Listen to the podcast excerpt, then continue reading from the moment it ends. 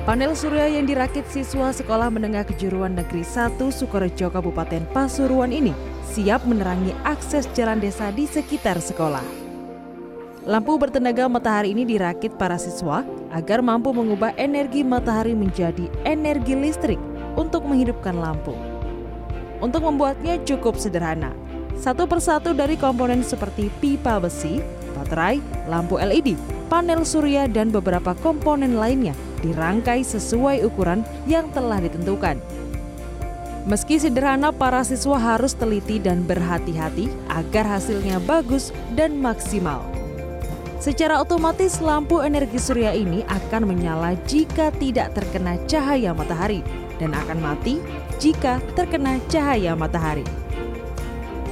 Manfaat panel surya untuk menerangi jalan tujuannya untuk mengurangi biaya listrik kenaikan listrik. Jadi agak lebih ini.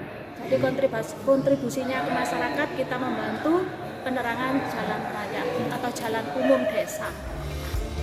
Panel surya buatan siswa ini mampu bertahan hingga 6 jam.